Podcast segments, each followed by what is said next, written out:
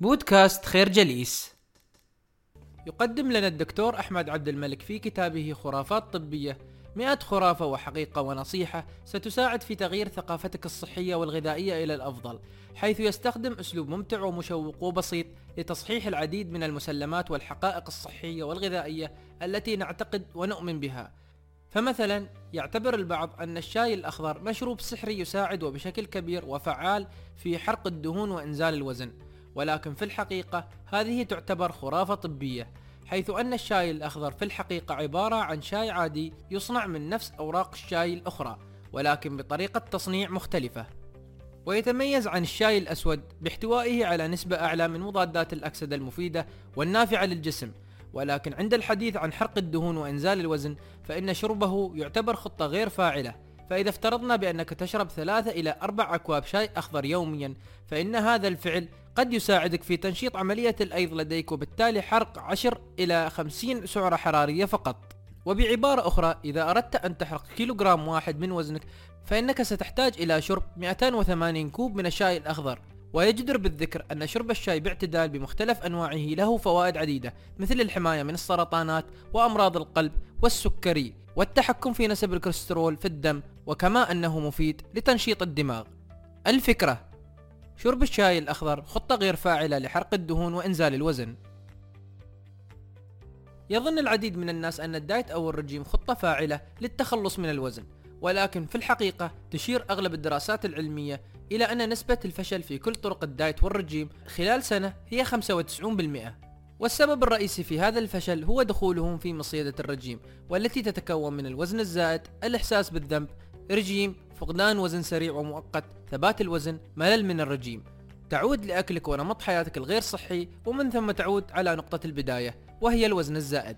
وخلال فترة الرجيم سيعتبر الجسم أنك تمر في مرحلة مجاعة وسيقوم بشكل تلقائي بخفض معدلات حرق السعرات الحرارية. كما أنه سيقوم بتخزين معظم السعرات الحرارية على شكل دهون عندما لا تكون في فترة الرجيم. الحل الأمثل لمن هم في مصيدة الرجيم هو تحسين الثقافة الغذائية أي أن تأكل أكلك المعتاد مع إدخال بعض التحسينات الصحية في النظام الغذائي الشخصي والطهو بطريقة صحيحة وصحية.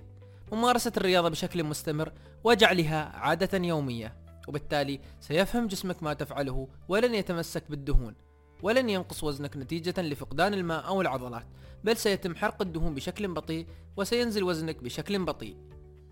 الفكرة الدايت والرجيم خطة فاشلة للتخلص من الوزن على المدى البعيد. يفضل الكثير من الناس شراء المنتجات السمراء ظنا منهم بأنها تحتوي على سعرات حرارية أقل. ولكن في الواقع تتساوى السعرات الحرارية بين المنتجات السمراء والبيضاء وفي بعض الأحيان قد تفوقها. ويكمن الفرق الرئيسي بين المنتجات السمراء والبيضاء في أن المنتجات السمراء يتم فيها طحن الحبوب كالقمح والحنطة والشعير كاملة مع القشرة الخارجية.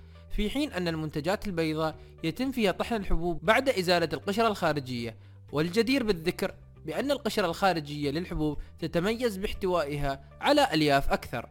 وهذه الألياف لها فوائد عديدة فهي لا تهضم بل تمر عبر الجهاز الهضمي فتعطيك الشعور بالشبع لفترة أطول كما أنها تحافظ على نسبة السكر معتدلة بالدم. وتساعد على امتصاص المعادن والفيتامينات. وبالتالي يمكننا القول بأننا ننصح بشراء المنتجات السمراء كاملة النخالة ليس لأنها أقل في السعرات الحرارية ولكن لأنها تحتوي على كمية أكبر من الألياف والفيتامينات المفيدة.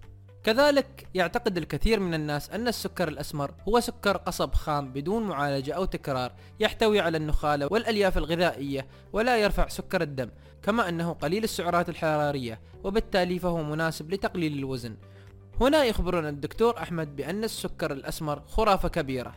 ينخدع بها العديد من الناس ويتناولونه بكميات كبيرة في مشروباتهم.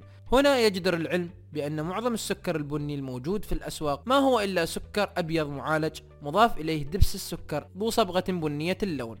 وعندما نقارن بين السكر الأبيض والأسمر نجد ما يلي. من ناحية المكونات السكر الأبيض 99.9 سكروز في حين أن السكر الأسمر 97% سكروز زائد ماء زائد دبس السكر. من ناحية السعرات الحرارية للملعقة الصغيرة السكر الأبيض 16 سعرة حرارية. في حين أن السكر الأسمر 17 سعرة حرارية. من ناحية القيمة الغذائية لا يحتوي السكر الأبيض ولا الأسود على أي ألياف أو قيمة غذائية. الفكرة المنتجات السمراء مفيدة لاحتوائها على الألياف والفيتامينات والسكر الأسمر ليس أفضل غذائيا وصحيا ولا يحتوي على سعرات حرارية أقل من السكر الأبيض. يؤمن الكثير من الناس بأن شرب الماء أثناء الطعام يسبب الكرش وعسر الهضم ولكن هذا الاعتقاد هو خرافة وحقيقة بعكس ذلك تماما. فالكرش مرتبط بشكل مباشر باستهلاك الطعام الذي يحتوي على سعرات حرارية. أما الماء فهو السائل الوحيد الخالي تماما من السعرات الحرارية وبالتالي لن يزيد وزنك نتيجة لشرب الماء. كما أن شرب الماء أثناء الأكل يساعد في امتلاء المعدة وبالتالي تقليل كمية الطعام الذي ترغب في تناوله كما أنه يساعد في عملية الهضم وتفكيك الطعام وامتصاص المواد الغذائية. كذلك يعتقد بعض الناس بأن المشروب الغازي السفن أب يمكن استخدامه لمعالجة النزلة المعوية وتعويض السوائل والأملاح المفقودة من الترجيع والإسهال. وهنا يجب الإشارة بأن النزلة المعوية هو التهاب يصيب الجهاز الهضمي العلوي وخاصة المعدة والأمعاء الدقيقة. وفي أغلب الأحيان تتسبب الفيروسات من عائلة الروتا فيروس في هذا النوع من النزلات والتي لا يمكن معالجتها باستخدام المضاد الحيوي حيث أن لا تأثير له على الفيروسات ولكن الجهاز المناعي في جسم الإنسان هو من يتكفل في العلاج. وما يقدمه الأطباء من علاج هو عبارة عن محاولة لتخفيف من أعراض المرض على المريض. وتعويض للسوائل التي تفقد من الترجيع والإسهال حتى لا يصاب المريض بالجفاف. ولكن هل ال Seven Up مفيد للنزلة المعوية؟ دعونا نلقي نظرة على المكونات الأساسية له. فال Seven Up يتكون من الماء مع الكربون زائد سكر زائد نكهة الحمضيات زائد حمض الستريك زائد سترات الصوديوم زائد بنزوات الصوديوم. وجود الماء والسكر في ال Seven Up أمر جيد للنزلة المعوية. كما أن عدم احتوائه على الكافيين يعد أمرا مفيدا كذلك. ولكن تكمن المشكلة الرئيسية في استخدام السفن أب في علاج هذا المرض هي في وجود الأحماض حيث أن درجة الحموضة قد تصل إلى 3.7 وهذه الحموضة العالية يكون لها أثر سلبي على أغشية المعدة المتهيجة بفعل الالتهاب الموجود.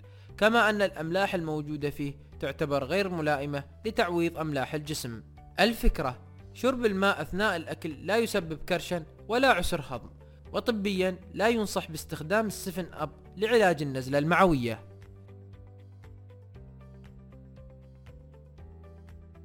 نشكركم على حسن استماعكم.